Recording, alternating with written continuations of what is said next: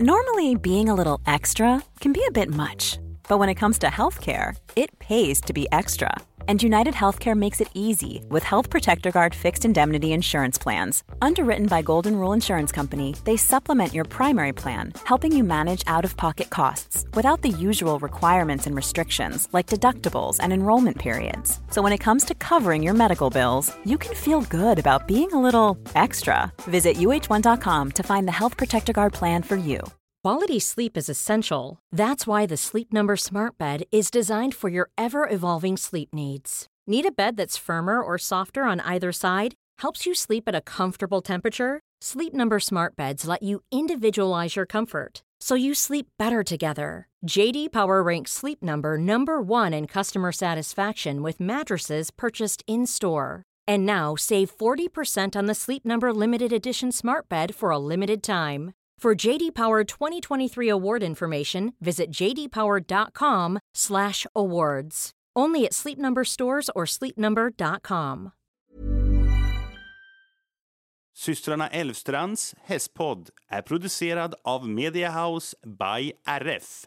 Hej allihopa och välkomna tillbaka till systrarna Elfstrands hästpodd avsnitt 48 och snön vräker ner utanför våra fönster. Ja, nu har vi fått årets första riktiga snö här och det känns som att vi redan har fått mer snö än vad vi fick någon gång under hela förra året. Ja, jag måste hålla med. Det bara, alltså det bara vräker ner. Oh. Och det värsta av allt är när man bor där vi gör, vi bor ju ja, men, en timme norr om Göteborg ungefär. Och då, då, då liksom kommer snön och det ligger kvar en liten stund.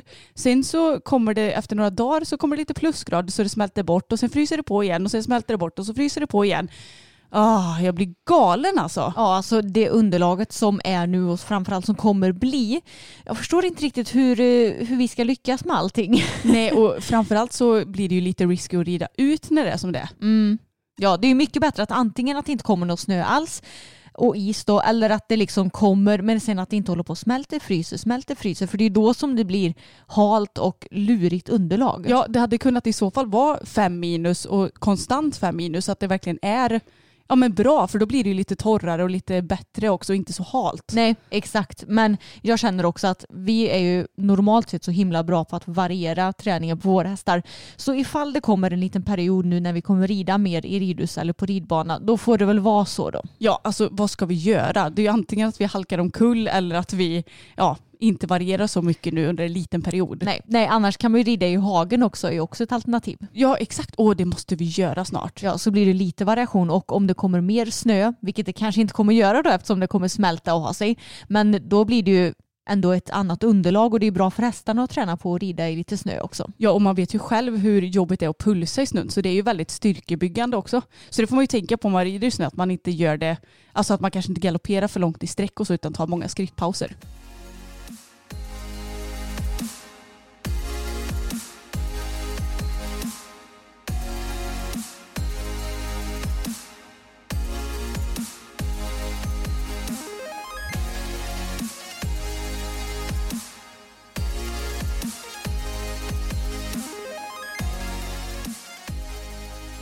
Och Anna, det här är officiellt din fjärde dag utan bh. ja, alltså det är ju det bästa med att man jobbar hemma med mm. dig. Du bryr dig inte. Nej. Jag bryr mig inte. Jag behöver inte tänka på hur jag ser ut för någon annan. Alltså det här kanske låter lite konstigt men jag trivs inte att gå utan bh i alla kläder om folk ska se det liksom. Mm. Men nu när vi ändå inte gymmar, vi gör typ ingenting annat än att vara i vårt lilla råttbo här på din gård, mm. då spelar det ju ingen roll. Nej, jag har inte heller någon bh på mig nu. Nej. Men jag har ändå haft det, för jag har ju ändå varit iväg och röntgat mig och eh, haft mig så jag har ändå varit ute och rört mig lite grann. Mm. Men du och jag, vi älskar ju att gå utan bh. Jag älskar ju att gå utan underkläder överhuvudtaget, vilket ni säkert vet om vid det här laget. Ja, men jag gillar inte att gå utan trosor. Det gör jag. Nej, inte, inte under typ mjukisbyxor och sånt. De ska vara på. Nej, det är ju då som det är skönt att vara utan trosor. Ja, herregud. Men eh, vi rider ju till och med utan bh ibland. Ja, om det inte är någon större alltså, något mer seriöst ridpass. Mm. Alltså rider jag dressyr då vill jag hålla rattarna på plats så att säga. Ja, Eh, de, de små clementinerna Precis. som vi brukar säga. Men rider man ut typ så spelar det ingen roll. nej. Det är ju det som är fördelen med att ha clementiner till tuttar. Ja, De behöver man inte oroa sig för att de ska studsa runt för mycket. nej. Alltså jag kan säga att det är mycket jobbigare för mig med min röv som studsar när jag springer till exempel än mina tuttar. Ja, det kan jag verkligen tänka mig. Det är klart att jag hade inte sprungit utan en sport-bh. Nej, det hade varit obekvämt. Eh, ja, det hade varit obekvämt. Men eh, det är en större, vad ska man säga, ett större problem att min röv studsar än att mina bröst studsar när jag springer. Men hur har det gått med röntgen och så då? Du har inte fått några svar än va? Jag har inte fått några svar än. Jag har gjort faktiskt två röntgenundersökningar nu den här veckan när vi spelade in. Och eh, jag var inte säker på att jag skulle göra den ena av dem. Men det har blivit så. Så nu har jag gjort både magnetröntgen och datortomografi, tror jag att det heter. Är det skiktröntgen i vardagligt tag eller vad Ja, jag, jag vet inte, kanske. Jag vill Ja. inte säga fel. Men eh, det var i alla fall, ja men en magnetröntgen, då ska du liksom köra in din kropp i en maskin, jättetrångt utrymme. Och sen så måste du ligga helt still i 45 minuter medan den här maskinen låter Och så, Ja, jag har också magnetröntgat mig nämligen. ja, den har för sig en väldans massa speciella ljud kan man säga. Ja. Och eh, då måste du ligga helt stilla. Jag tänkte bara jag inte får någon hostattack nu eller om du börjar klia. Då, då blir det lite jobbigt för du kan ju som sagt inte röra på dig. Men det gick bra. Jag blev lite tät i näsan bara för jag har ju blivit beroende av nässpray igen. Så, så det var lite jobbigt. Men eh, jag klarade mig i alla fall. Och sen i ja, igår nu när vi spelade in där så var jag gjorde min andra röntgen och då var det datortomografi. Och jag kan säga att om magnetröntgen tog lite tid så gick det här alltså, så sjukt snabbt så att jag hann knappt ens komma in på sjukhuset innan jag var ute igen. Jag var klar innan jag ens hade tid för det är ju sjukt. Ja, för jag var nämligen på plats på sjukhuset kanske 20 minuter egentligen innan jag hade min tid bokad. eh, För att jag hade råkat glömma ett papper hemma som jag skulle fylla i. Och då anmälde jag mig i röntgenreceptionen. Sen gick jag till väntrummet och hade fått då ett papper då att jag skulle, som jag skulle fylla i. Och jag hann liksom inte ens sätta mig ner och börja fylla i det förrän jag blev uppropad. Så då fick jag komma in och jag bara, jag måste fylla i papper först och jag behöver kissa. För jag skulle också ha druckit en liter kontrastvätska innan jag gjorde den här undersökningen. Ja, just det. Eh, Så det fick jag göra då. Och sen så var det snabbt avklarat den här undersökningen. Då kördes jag in i, ja men ser ut som nästan ett litet, eh, en ring kan man säga. Som jag kördes in och sen så skulle jag liksom ta ett djupt andetag och sen hålla andan helt och hållet medan min kropp åkte liksom fram och tillbaks och den skannar av mig liksom. Nej, vad sjukt. Mm. Så är det typ som en skrivare då eller? Ja, Eller ja. ja men det betedde sig ungefär som en skrivare skulle jag Eller en säga. skanner snarare. Ja, exakt. En skanner. Och då gjorde jag det först med bara den, vad ska man säga, kontrastvätskan i tarmen som jag hade druckit och sen så sprutade de även in kontrastvätska i blodet som Mm. man också gör när man gör magnetröntgen. Så det gick skitsnabbt. Så jag hade tid 14.20 men jag var klar redan 14.20 och lämnade sjukhuset. Så ja, det var helt sjukt snabbt. Och jag måste för övrigt säga att vården har varit sjukt snabba överlag nu med min eh, cancer får jag säga. Ja, och det känns ju väldigt betryggande då för att vi har ju ändå fått söka vård några gånger för att ja, men med våra höfter och så här och man har blivit lite bortglömd och det har tagit lite tid och det känns som att när jag fick reda på min artrosdiagnos så släppte de mig bara och sa ja men tack och hej du får klara dig själv ungefär. Men när det verkligen gäller så är de ju snabba och engagerade verkligen. Ja, precis. Ja, jag har ju sällan varit speciellt nöjd med vården tidigare för jag har ändå behövt söka ett antal gånger. Ni vet ju om våra kroppsliga problem som vi har. Men eh, nu den här gången så har det verkligen varit grymt bra får jag säga. Mm, så det känns ju ändå betryggande. Det gör det. Och nu hoppas jag att eh, jag inte behöver åka in på något mer sjukhusbesök än på ett tag. Ja, det hoppas verkligen jag också. Men vi får se vad röntgen säger nu då. Precis. Och jag måste säga att det är ju skönt att två av våra hästar har haft vila nu när jag Mm. har varit inne och ränt på sjukhuset så mycket. För då har jag ändå, vad ska man säga, haft tid till det. Ja, vi har inte behövt ha någon så här onödig tid till det eller vad man ska Nej, säga. exakt. Mm. Men eh, på tal om vila så vilar ju alla våra hästar nu idag och imorgon i alla fall. Ja, för de har blivit vaccinerade och väldigt bra timing för idag när vi spelar in så eh, både det blåser och snöar så det är inte sådär jätteroligt ridväder. Så det blev onekligen bra timing. Ja, men 17 och säg då, det var ju du som fick ta hand om vaccinationen. Ja, ja, men de var jättesnälla. Den enda som tycker att det är lite jobbigt är ju Boppen. Mm. Han har veterinärskräck och eh, han, alltså grejen är att jag skulle inte säga att han har nålskräck för han reagerar aldrig när man sätter i nålen. Men han känner nog på sig att det är något som är på gång för så fort man liksom höjer handen och ska liksom eh, vad ska man säga, sätta i nålen i halsen, då blir han obekväm. Mm. Men vi har insett nu att det bästa är att ha honom liksom lös i en box så han ändå får lite utrymme till att röra sig. Och sen att jag står med honom vid huvudet och håller min hand bakom hans ögon så han inte kan se bakåt vad som händer. Mm. Och sen att veterinären sticker honom. För han reagerar som sagt aldrig på själva sticket. Nej. Utan han har alltid varit väldigt känslig när det kommer till veterinärer. Ja, och jag vet att det har varit veterinärer som har, ja men det känns som att så här, distrikterna är ganska stressade jämt för att de har alltid mycket på schemat, och vilket jag förstår. Men då har det varit någon veterinär som någon gång har typ kastat sig över ja, honom och stuckit honom i halsen. Ja, han har nog blivit lite traumatiserad efter det ja, kanske. och det blir ju inte bättre. Och det är det som känns så skönt att den här gången så blir det ändå en veterinär som han känner lite bättre mm. och som är lugn och, och sansad. Så jag tror att det är bättre att vi, vi kör på samma veterinär. Ja, och så har det varit, ja i alla fall de senaste åren åren också vet mm. jag. Så det funkar bra. Och de andra, mm, inga problem. Tage och Fokus är ju dösnälla och så blickstilla. Bella också men hon, hon är ju lite bekymrad så hon ger veterinären en så här riktig blick när hon är klar att hon verkligen stirrar så här bakåt och tittar vad hon gör. men det känns skönt att de är vaccinerade och klara nu i alla fall och att de är redo att börja tränas igen då om några dagar. Ja och jag tycker det är så himla skönt. Alltså vi har ju lyckats tajma in alla hästar väldigt bra och vaccineras här i början på året. Och dessutom då är man ju klar inför tävlingssäsongen. Man kan fylla i det här i TDB och allt sånt. Men jag måste bara berätta en lite rolig anekdot nu på tal om vaccination. För när jag köpte Fokus så köpte jag honom 22 december 2017. Och då när jag skrev papper och hej och hå så sa hon som sålde honom, eller som liksom levererade honom till mig eller vad man ska säga. Ja just det, hans vaccination den skulle egentligen fyllts på idag eller igår eller när det nu var.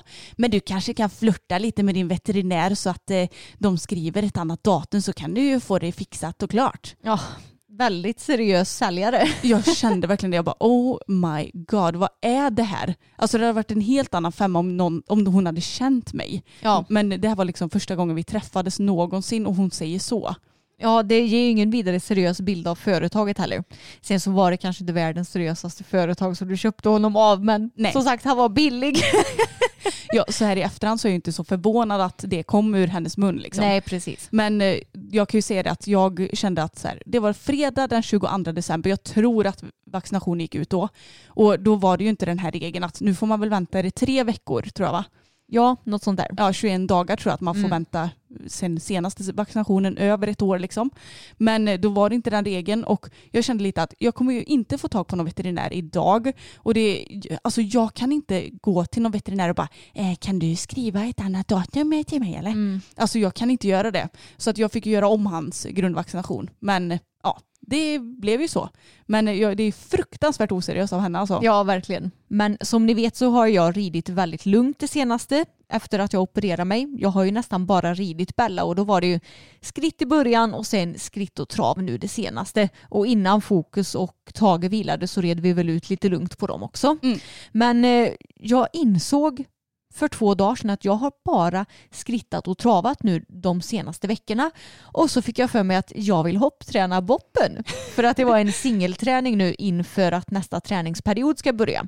Så då tänkte jag varför inte ta boppen till ridhuset för det skulle ändå bli snöigt och lite tråkigt väder så då tänkte jag då kan vi passa på plus att jag var sugen då.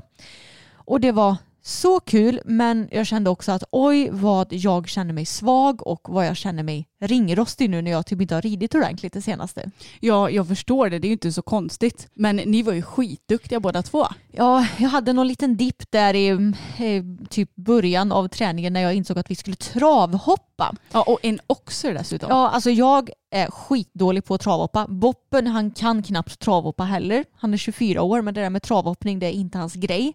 Så ja, det gick lite dåligt ett tag men sen insåg jag hur jag behövde rida och visst själva travhoppningen kanske inte gick så himla bra. Men resten gick faktiskt mycket bättre än vad jag trodde att det skulle gå. Och jag får säga att du har varit en bra beridare av honom Anna, för han var sjukt fin.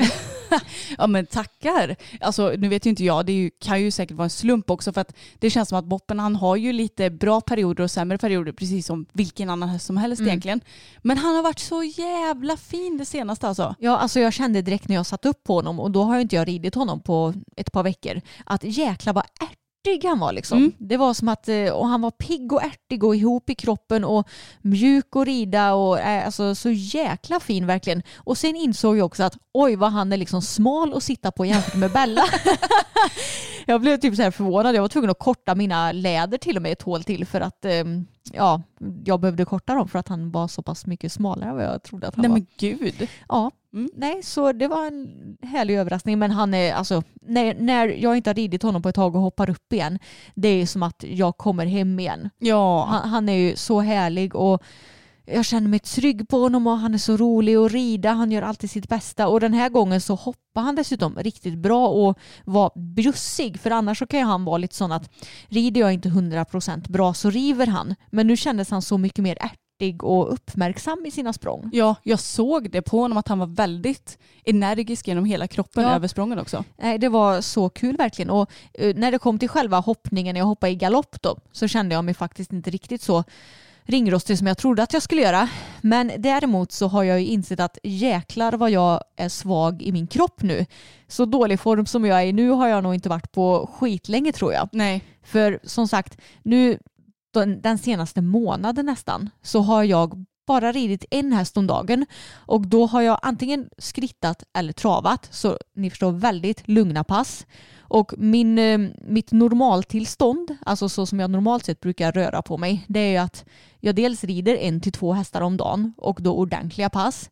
Sen så brukar vi hänga på gymmet fem dagar i veckan, varav fyra dagar liksom hård styrketräning.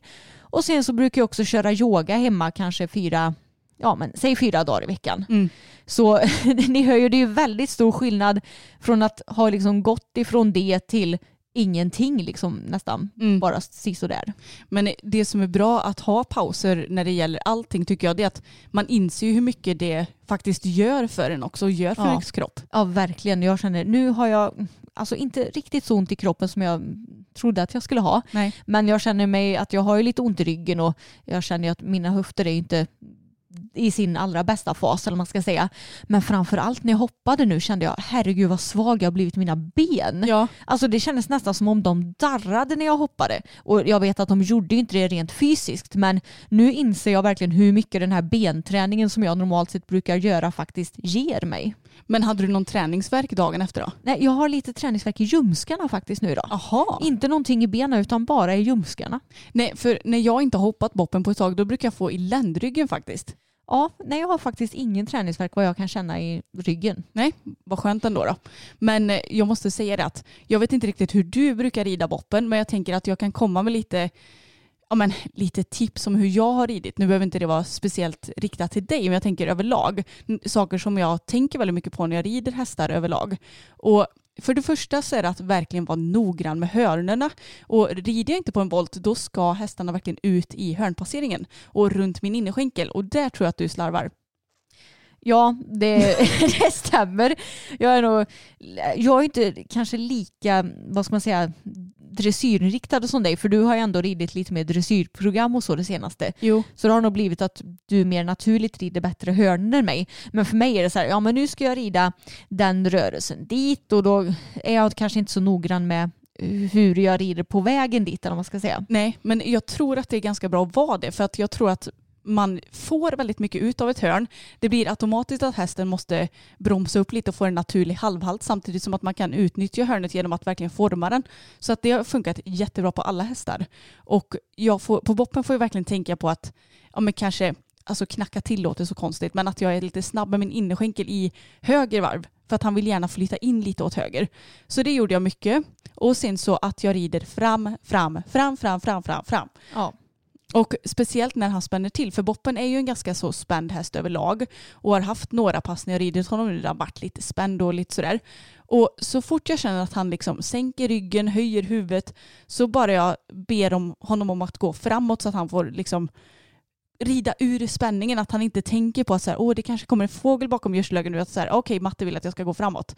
Och det tror jag har hjälpt ganska mycket också. Mm. Och med boppen så är det också extra viktigt att tänka fram för det är då som man verkligen får under sig sina bakben Mm. och eh, kommer ihop i kroppen och börjar jobba korrekt. Med en sån stor häst, det värsta du kan göra är att börja sätta dig och backa med en gång. Liksom. Precis. Och mycket övergångar, men det, det är överlag mina filosofier tror jag. Använd hörnen, fram och övergångar. Ja, ja, jag får bli bättre på att rida hörnen för annars så har ju du och jag ganska så lika filosofi där. Mm. Jag rider ju också mycket övergångar och speciellt på större hästar som man behöver få ihop liksom. Mm. Men jag tror att jag är lite för inom stationstecken bra på att rida på lite mer böjda spår kanske. Mm.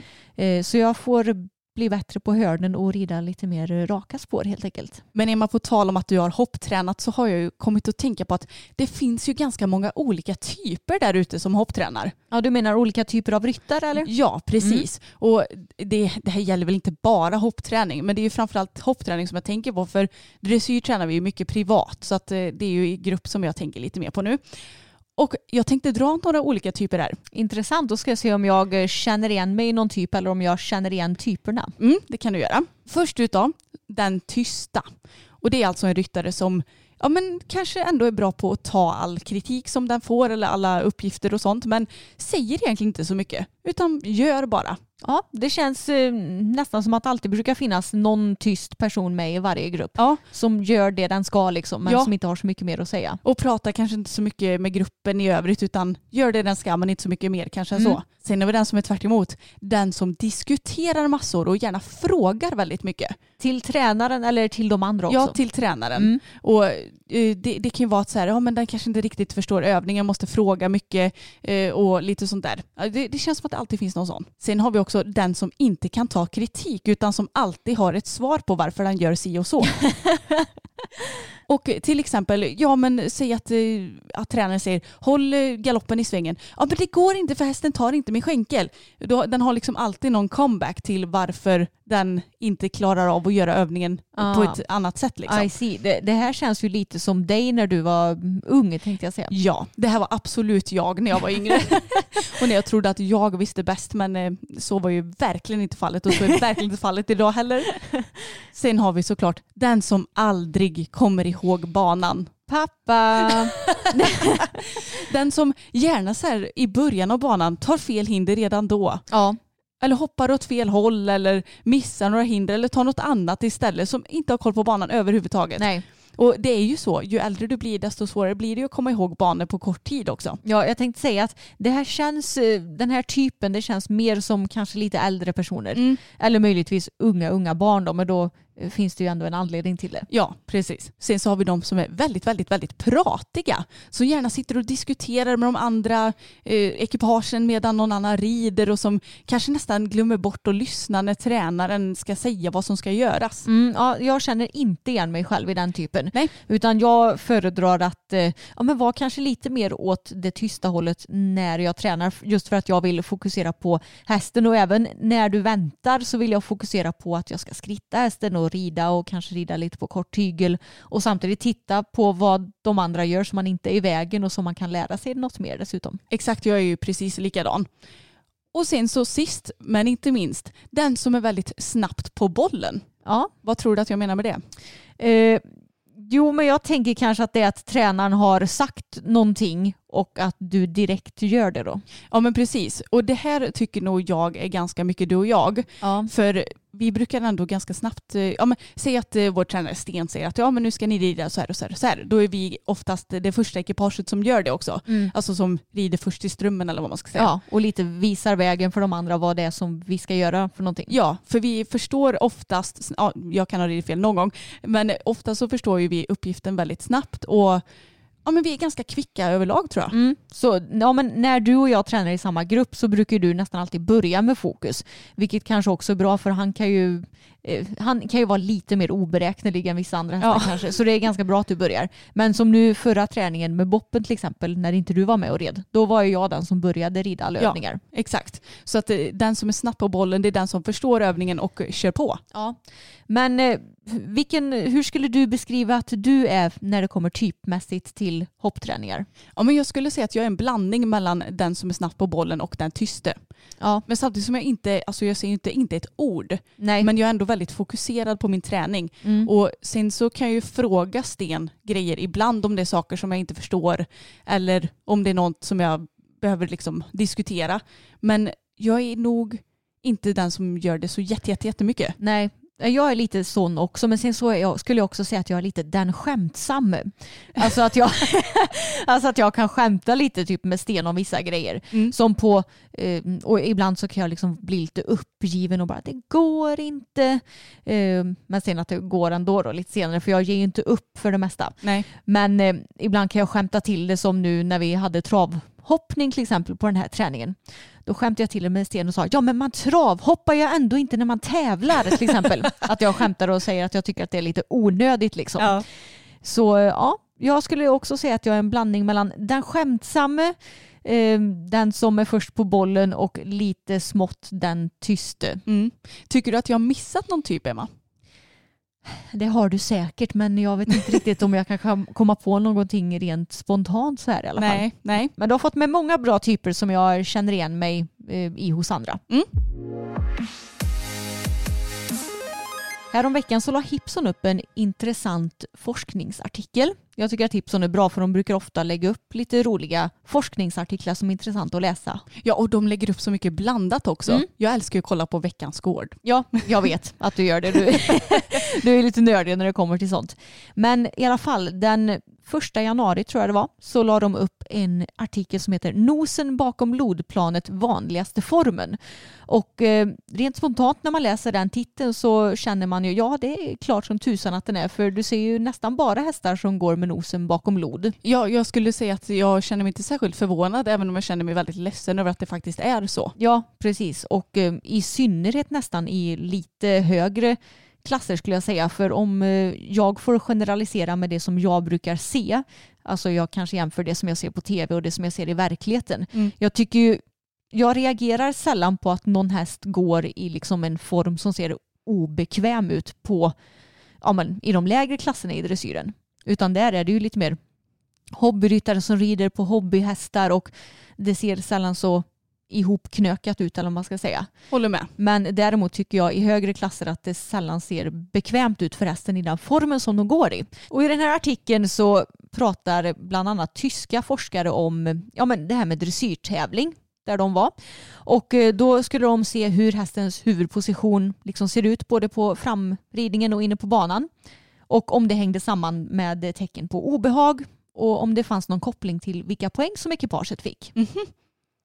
Och forskarna såg då att 69 procent av hästarna reds med nosen bakom lod på framridningen och bara 12 procent reds med nosen strax framför lodplanet. Åh herregud. Ja, och grejen är ju då också att det ska tilläggas att enligt TR så ska ju nosen vara strax framför lodplan för att den ska gå i en korrekt form. Det står ju att nacken ska vara som högsta punkt och med nosen strax framför lodplanet. Men är det även i, för, för TR är väl så likt FACE regler som möjligt väl? Ja, jag är lite osäker på hur de internationella eh, vad ska man säga, reglerna säger. Mm. Ja, vi, vi kan inte uttala oss om vad de internationella reglerna är helt enkelt. Nej, precis. Men det står också i artikeln att här syns tydligt risken för att vår blick vänjer sig vid vad som är normalt och hur det ska se ut. Och det känner jag verkligen igen mig på när typ vi har lagt ut vissa om man säger, bilder och filmer på våra sociala medier. För Boppen till exempel, han är ju en häst som i princip aldrig går bakom lod. Nej. Utan han är väldigt duktig på att ha sin vad ska man säga, om en näsa på lod eller strax framför. Och eh, det är ganska ofta som vi får höra att han är öppen i formen då. Och ganska ofta i, även i dressyrprotokoll så står det att han är lite för öppen i formen. Precis, när han egentligen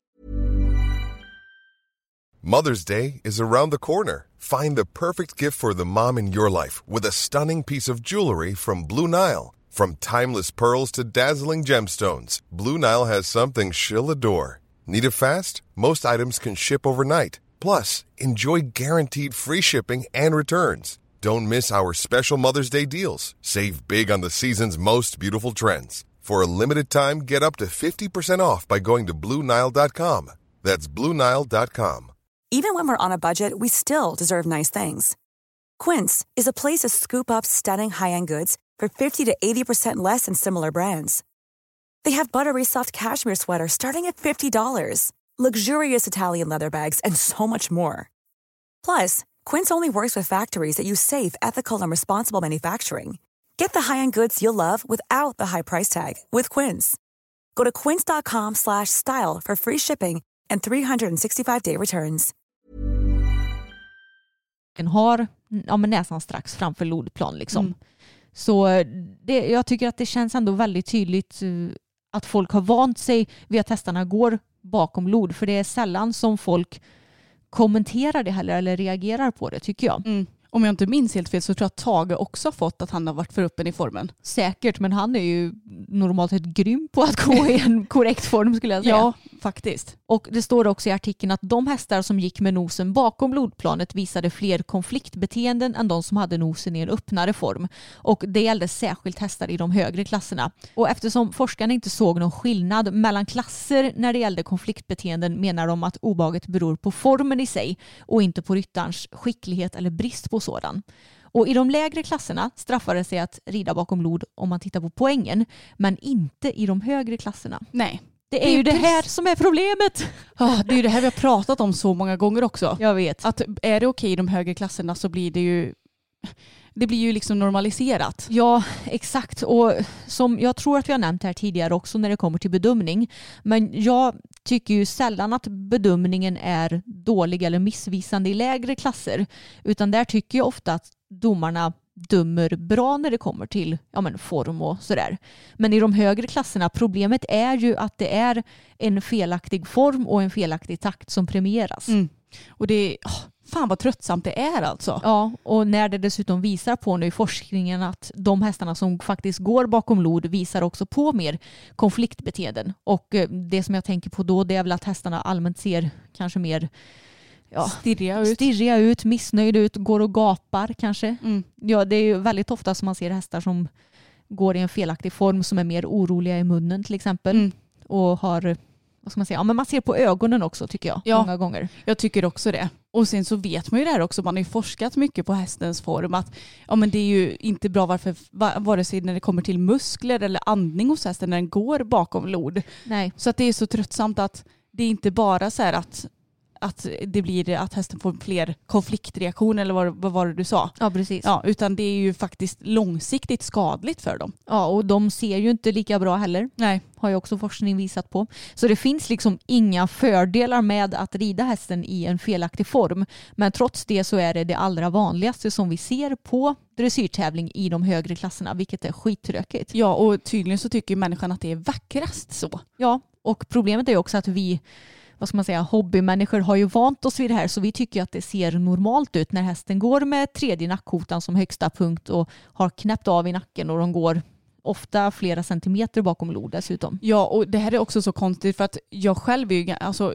jag själv vet ju vad lodplan är och va- vart jag vill ha mina hästar Mm. och försöker alltid, alltid, alltid att sträva efter det. Men jag märker också på mig själv att jag reagerar ju mer sällan på att det ser konstigt ut hos andra.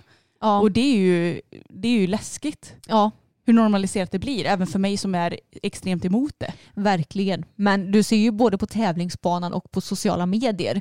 De som ofta får mycket vad ska man säga, fina kommentarer och wow-kommentarer. Det är ju oftast de som har hästar som går i en felaktig form och med framben oftast som flänger högt upp i Mm. luften i traven då tänker jag på främst med bakben som inte alls jobbar på i samma kontakt eller samma takt menar jag. Mm. Och det är för att det har blivit så vanligt att det är så som det ofta ser ut på dressyrbanan i de högre klasserna. Och det är klart att då tror ju hobbyfolk att det är rätt och då tror de att det ser bra ut och då blir det ju även de personerna på sociala medier som får mycket beröm för det. Exakt, och det är bara en så dålig cirkel alltihopa. Ja, jag vet. Och vad är hönan och vad är ägget? Jag tycker det är ganska tydligt här vad som är det största grundproblemet och det är ju att den här ridningen premieras. Ja, För ifall domarna i de högre klasserna hade liksom satt stopp för det här att nu är det korrekt takt och korrekt form som gäller för att du ska kunna få 8, 9, 10, vad det nu än må vara då hade ju ryttarna tagit efter det. Ja, och då hade hästarna mått så fruktansvärt mycket bättre. Och åh, bara, jag bara önskar att det fanns någon domare som dömer väldigt högt som bara kan gå emot strömmen. Ja, jag vet. Och att de kanske går någon gemensam utbildning, ja det gör de ju säkert men Ja. det känns ju inte som att det hjälper i alla fall för det är ju fortfarande likadant nu som det var för flera år sedan. Ja, ja det, det är ingen positiv utveckling vi ser i alla fall. Nej, verkligen. Jag hoppas att det kan ändras snart. Men en sak som jag har tänkt på också. Jag pratar ju lite om personer som får beröm på sociala medier. Men du ser ju ändå ibland att vissa får kommentarer om eh, ja, men varför eh, går din häst bakom lod så mycket?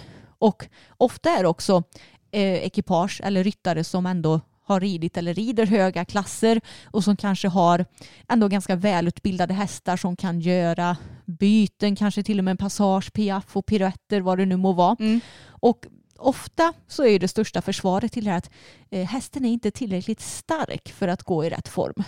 Men då tänker jag lite så här att om hästen inte är tillräckligt stark för att kunna gå i en korrekt form när du travar en vanlig arbetstrav, då borde den ju verkligen inte vara tillräckligt stark för att kunna rida piruetter eller passage eller piaff. Alltså jag tycker inte att det är ett vettigt argument om du är på den nivån. Nej, och det känns ju helt skruvat för att jag menar, det är klart som tusan att Alltså nu, nu tar jag fokus som exempel. Han har ju ändå väldigt lätt för att hamna bakom lod när han Mm. blir antingen spänd eller om han inte riktigt förstår.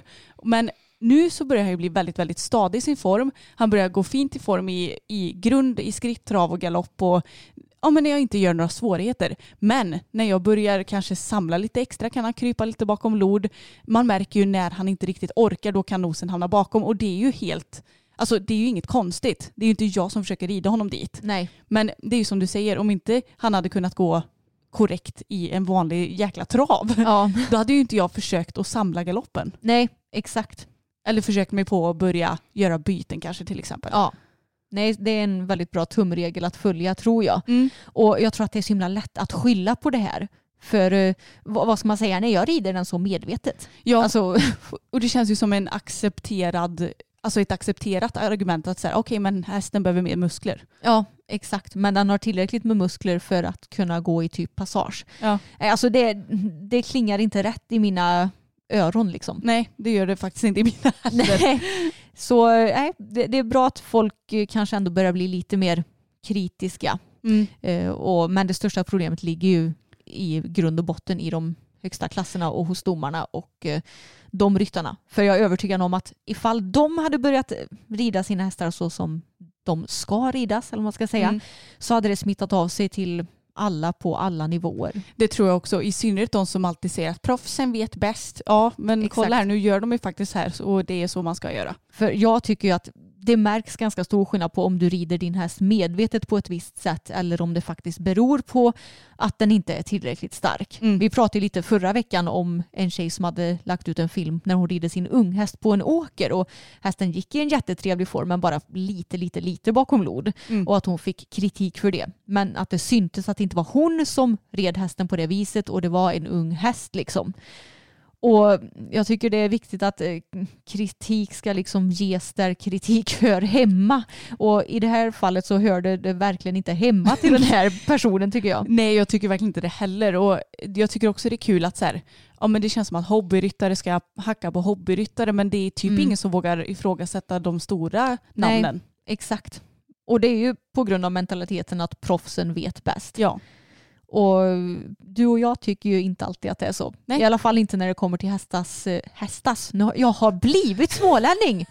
I alla fall inte när det kommer till hästars eh, välfärd och sådär många gånger. Nej, precis. Nej, för det här med hästars välfärd, ni måste faktiskt in och se vår senaste YouTube-video som vi har lagt upp. För där reagerar vi på två olika stjärnors stall. Ja, Och eh, det kan bli lite intressant, för de är väldigt, väldigt, väldigt olika. väldigt, väldigt olika men ändå två ryttare som tävlar på den absoluta toppen i världen Mm. i hoppning och dressyr.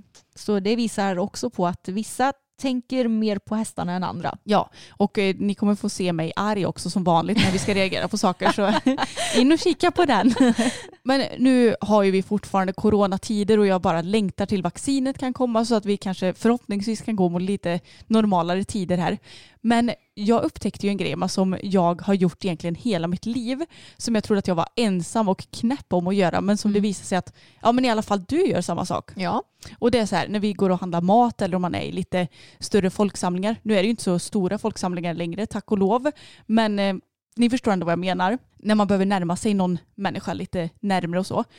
Då kan det hända att jag håller andan när jag ska passera en person. Jag med. Mm. Och varför kan man ju undra? Jo, för att jag är lite rädd att det ska komma någon kanske äcklig lukt. Alltså det låter jävligt Nej, taskigt. Jag, jag, tänker också så. Jag är typ rädd för att människor ska lukta illa, att de ja. har typ fisit eller ja. att de ska lukta svett eller rök eller vad det nu än må ja, vara. Exakt. Det behöver inte vara så här, ja den här personen har inte duschat på sju år utan det, det kan vara all möjlig lukt. Ja, så alltså nästan alltid när jag passerar någon i någon gång i affären även när det inte är coronatider. Mm. Då tar jag ett andetag när jag är liksom ett antal meter bort och sen håller jag andan tills jag har kommit förbi den här människan en ja, några meter bort i alla mm. fall. Så gör jag med och det visade sig ju att i coronatider så är inte det helt dumt att hålla andan. Nej, du ska hålla andan när du passerar folk. Ja, så det är bra att mitt, eh, alltså jag vet inte, vad ska man kalla att det är? Det är Lifehack! nej, nej, jag tänkte mer säga att det är ju lite tvångstankar det här att hålla ja, andan jo. förbi folk. Men eh, då visade det sig att det faktiskt har lite nytta just nu. Tyckte inte Samuel att du var konstig när du berättade det till honom? Jo, han tyckte jag var skitkonstig och det kanske är konstigt för att man dömer ju lite en människa innan man går förbi den då kanske. Jo. Men eh, samtidigt så här, jag gör det ganska ofta när jag passerar människor så det är inte så att jag ser på en person och bara ja den här luktar In, nog äckligt. Inte jag heller. Det har verkligen inget samband med hur Nej. personen ser ut eller vad det nu må vara utan det kan vara vilken människa som helst. Ja så ni behöver inte tro att vi går runt och kritiserar hur folk verkar vara liksom. Nej exakt. Men det känns som att om både du och jag gör det här utan att ha pratat om det innan, mm. vi kom på det nu när vi, ja, men, vi ska fylla 28 och 30 år, då borde ju fler folk göra så här. Precis. Det borde ju inte bara vara vi som gör så här. Nej det tror jag inte. Men lite på tal om mataffärer och sånt också Emma. Mm. En grej som jag tänkt på, jag följde ju ganska mycket mat och bakbloggar förr i tiden. Mm. Nu gör jag inte det så mycket utan kan mest klicka mig runt lite på Instagram på framförallt Camilla Hamid tycker ja. jag gör så himla bra recept. Men i alla fall, något som jag tänkte på då när jag läste lite bloggar som handlade om mat och bak, det var Fy fan vad jobbigt det måste vara att driva dessa bloggar. Åh oh, gud, jag, jag tänkte också på det förr i tiden när jag typ läste Jennys matblogg och sådär. Mm. Så många kommentarer som hon fick som jag bara kände att och alltså lite som, eh, lite som förra veckan när det kröp i mig efter att jag läste Facebook-kärringens kommentarer. Alltså så var det för mig när jag har läst eh, vissa kommentarer som matbloggare får. Ja och alltså grejen är så här, jag förstår att alla kanske inte förstår alla grejer som står i, på matbloggar och i recept och sånt där.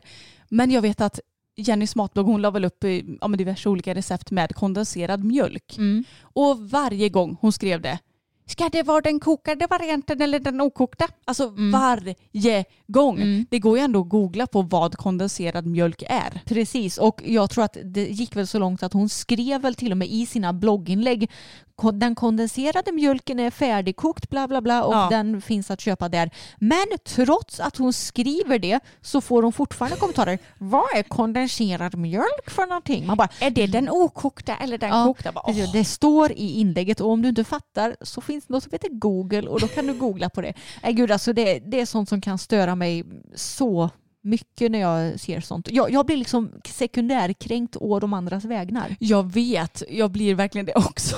Vilket är jättekonstigt och jättekonstigt att lägga energi på. Så att, eh, det är skönt att vi inte följer de här bloggarna längre kanske. Nej, och vi får ju också ändå ganska många kommentarer som jag känner att följarna ganska lätt hade kunnat ta reda på själva. Men av någon anledning så blir jag mycket mer alltså, irriterad när jag läser grejer hos andra än om vi får frågor. Ja, och det är också så här att alltså, i ett recept, det, det, går ju verkligen att googla. Exakt. Sen så kanske det inte är någon som bara, ja men hur höga är Annas och Emmas hästar? Det kanske är lite ändå mer svårare. Men jag måste säga att vi har ju väldigt fantastiska följare också som gärna försöker att svara lite åt oss i våra mm. kommentarsfält på YouTube och så.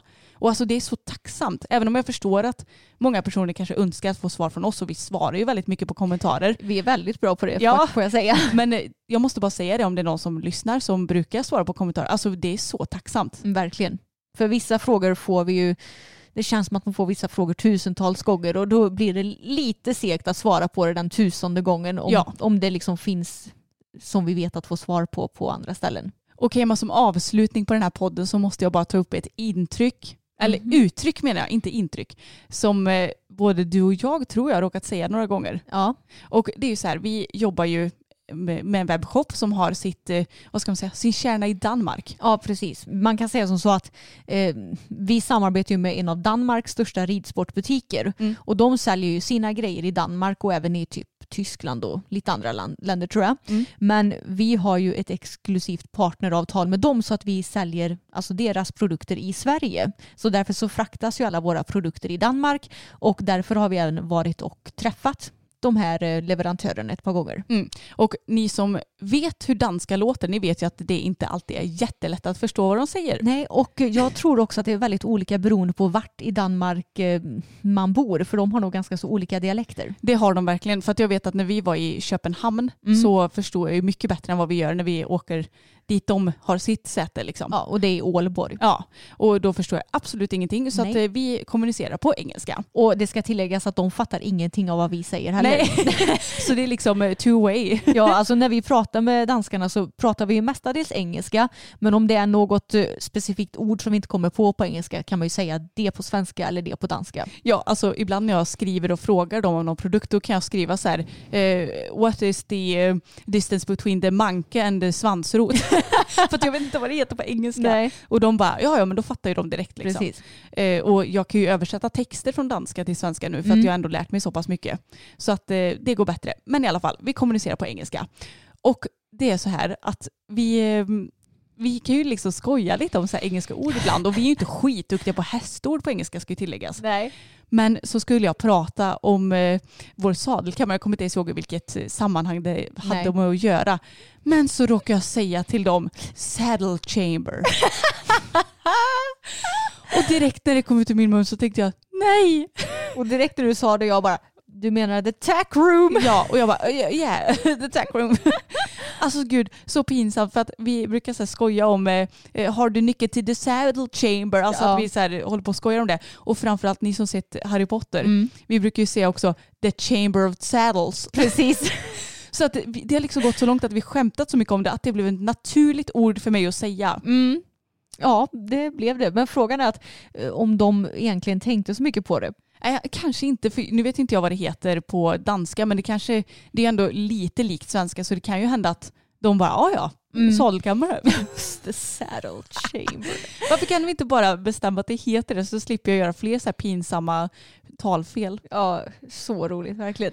Ah, ja, jag är inte skitbra på engelska, det ska jag ju till. Sluta, du är visst bra på engelska. Ja, men det är ju inte, jag är ju inte så bra som man kan vara. Nej, men alltså grejen är att hur många skandinaver är svinbra på engelska? Ja, nej. De flesta som pratar engelska, de pratar ju ändå ganska bra engelska, bara det att vi bryter på våra respektive språk. Danskarna har ju sin brytning och vi har vår brytning och norskarna och finskarna har säkert deras Mm. brytning. Liksom. Ja men det hör man ju och det har jag hört när jag tittat på Katrin Dufors eh, story ibland. Alltså hon pratar ju ändå väldigt bra engelska för hon kan ju många engelska ord eller vad man ska säga. Men man hör ju att hon är dansk. Ja. Och jag tycker inte att det är något fel. Nej, inte jag heller. Men det har liksom, man har blivit lite hjärntvättad tror jag från skolåren att man skulle prata så perfekt engelskt brittiskt uttal typ så att det Ja, då blir man, det blir lite skämskudde när man bryter lite på svenska. Men alltså på tal om engelskan i skolan. Mm. Jag vet att när vi, de lärarna som vi hade, de har alltid pratat brittisk engelska med brittiskt uttal. Men ändå så har alla i klassen försökt prata med liksom amerikanskt uttal. Mm, jag vet. Vi pratar liksom med amerikanskt uttal fast jag antar att det är med brittiska ord.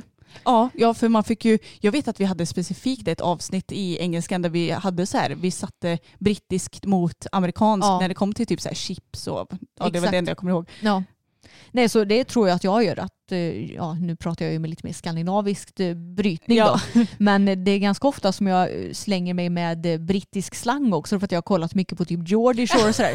Ja men det är jättemånga gånger när jag har pratat med Jelle till exempel och Mm. han inte förstår vissa ord som jag menar eller säger till honom. Men vad, vad har du för slangord då som du, Eh, gud nu måste jag komma på något eh, specifikt. Jag, jag kommer på ett exempel nu och det är ordet nagging. Alltså att tjata. men alltså vad säger man annars då? Jag vet inte. Men för jag tycker det känns helt naturligt att säga det. Men jag tror att det är ett brittiskt ord. Ja det kan det säkert vara. Eh, nag, nagging. Ja. Och varje gång Han, han glömmer bort hela tiden vad det betyder också. Så han bara, what do you mean om jag skriver att någon har nag eller nagging eller något sånt där. Va, vad får du skriva då? då?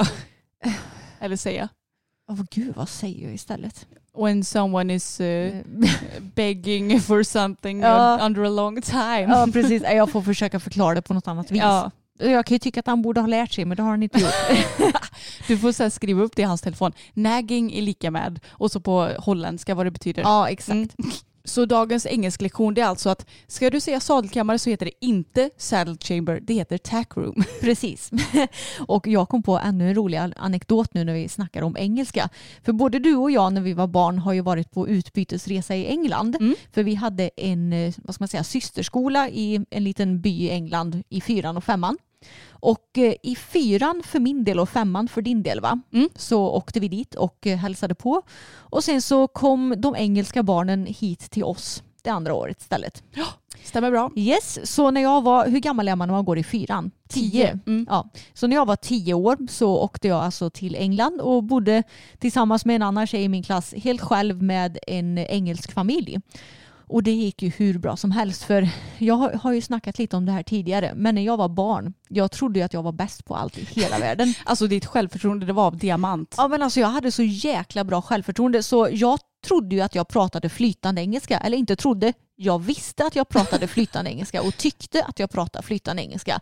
För så lätt tyckte jag det var att prata. Mm. Och idag skulle jag kanske inte säga att jag pratar helt flytande engelska, men nästan. Men det, ibland så kommer du inte på specifika ord bara. Mm. Men då kan du alltid lösa det på annat vis. Men på den tiden tyckte jag att jag pratade flytande engelska.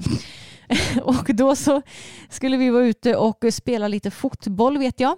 På, I någon park i närheten av där mitt, eh, min brevvän bodde, som jag bodde hos. Och då var vi ute och spelade fotboll, några tjejer och några killar. Och då var det en engelsk kille som kom fram till mig och sa Do you have panties on? och det här var ju då ett ord som jag inte visste vad det var. Oh no. Så jag bara, what's panties? Och han bara, this. Och så drog han ner sina byxor och visade sina kalsonger. Men alltså då ljög han ju för han har ju inte på sig panties då. Nej, jag vet. Men eh, ja, han tyckte väl att det var lite kul. Ja. Och, och då, alltså, jag tyckte ju säkert inte att det var pinsamt utan jag tänkte bara, men herregud vad är det för människa? Så. ja, nej, det var lite roligt. Ja alltså det är ju mer pinsamt för honom än vad det är för dig i så fall. Ja, en väldigt lustig situation. Att, alltså, så tänkte jag också att det var ju ett barn så det går ju an. Men det hade varit ganska olämpligt om samma situation hade skett eh, nu i vuxen ålder. Eh, ja. Jag hade inte velat att en främmande karl skulle liksom dra ner sina byxor och bara titta på mina kalsonger. It's this. ja, exakt. Nej, så det är roligt. Ja alltså det var ju väldigt kul att åka till England som barn. Ja, svinkul. Alltså jag kommer ihåg, jag har så mycket minnen från den här resan. Mm. Och jag måste bara säga något roligt som hände innan min resa. För det var nämligen så, mamma berättade lite mer detaljrikt för jag kommer inte ihåg exakt allt. Men vi skulle ju såklart ha med en kamera på den här resan för att man ville ta bilder och komma ihåg och sånt. Och då skulle pappa bara cykla till affären för att köpa ett batteri eller vad det var. Och det är bara det att pappa han hade strax innan det fyllt år och då hade han fått en ny cykel. Och pappas förra cykel var väldigt, väldigt trög i handbromsarna. Han hade en sån här bakåttrampcykel. Ja, de är livsfarliga. Ja, alltså jag förstår inte ens varför det finns ärligt talat. Men det hade han. Och så fick han en vanlig cykel tror jag. eh, Med eh, alltså bakåtbroms. Men han använde ju handbromsen ändå. Och så kommer jag inte ihåg, jo han hade nog tappat någonting som han hade på pakethållaren så att han skulle stanna och ta upp det. Mm. Råkar ta i för mycket med handbromsen så att han bara voltar med cykeln och slår i ansiktet först. Mm. Så att han skadades ju ändå ganska rejält och ja, alltså det, det gick ju bra. Han fick ju ingen hjärnskakning eller så men han var ju rejält uppriven i ansiktet. Ja, han såg inte så fin ut. Vi har ju bild på det. Vi kanske ska fråga mamma om vi inte kan få, få ta och lägga upp den bilden på Instagram. Ja, alltså det måste vi nästan göra. Mm. Och ja, ingen hjälm hade han på sig heller för den delen. Nej. Så det hade ju kunnat gått helt åt skogen verkligen. Mm. Men så tur var gick det bra. Men det var bara det att det här var kvällen innan vi skulle åka. Och sen så på morgonen när vi skulle åka iväg så vaknar pappa och han ser ju ut som att han har fått se en rejäl smäll i ansiktet. Mm. Ögat är nästan helt igensvullet och han, alltså han ser ju för jävlig ut rent ut Det sagt. ser ut som att han har varit i ett rejält jäkla krogslagsmål. Ja, verkligen. Så att då sa jag till honom att pappa du får inte följa med och säga hej då till mig för jag tyckte att det var pinsamt. att han var så sårig och svullen.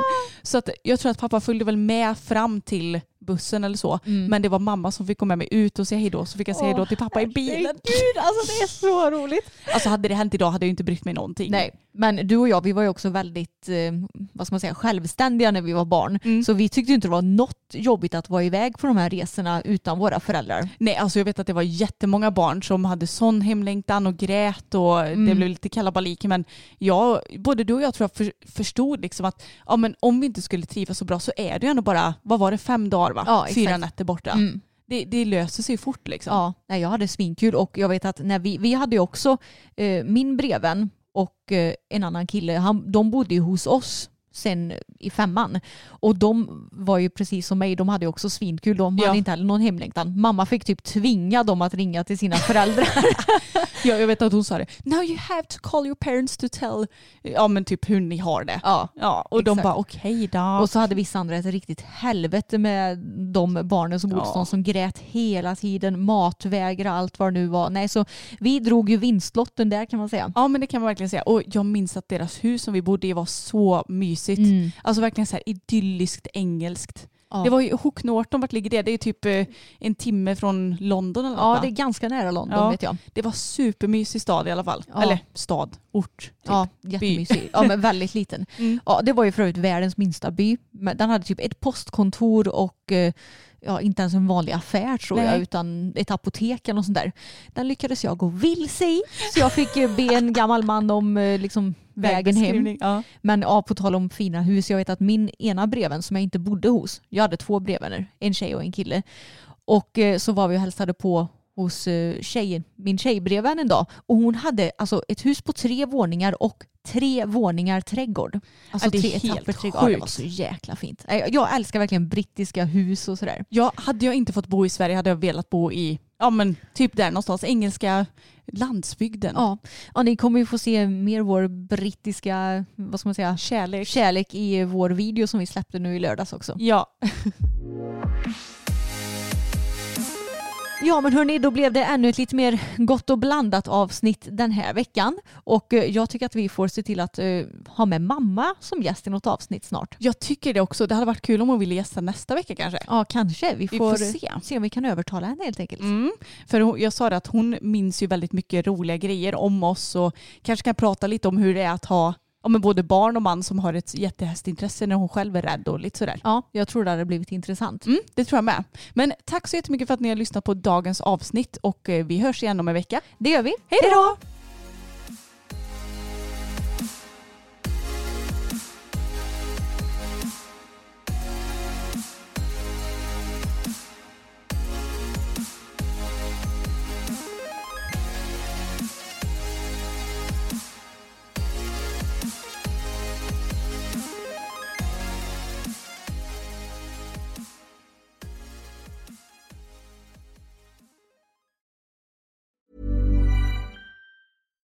Hi, I'm Daniel, founder of Pretty Litter. Cats and cat owners deserve better than any old-fashioned litter. That's why I teamed up with scientists and veterinarians to create Pretty Litter. Its innovative crystal formula has superior odor control and weighs up to 80% less than clay litter. Pretty Litter even monitors health by changing colors to help detect early signs of potential illness. It's the world's smartest kitty litter. Go to prettylitter.com and use code ACAST for 20% off your first order and a free cat toy. Terms and conditions apply. See site for details. Normally, being a little extra can be a bit much, but when it comes to healthcare, it pays to be extra.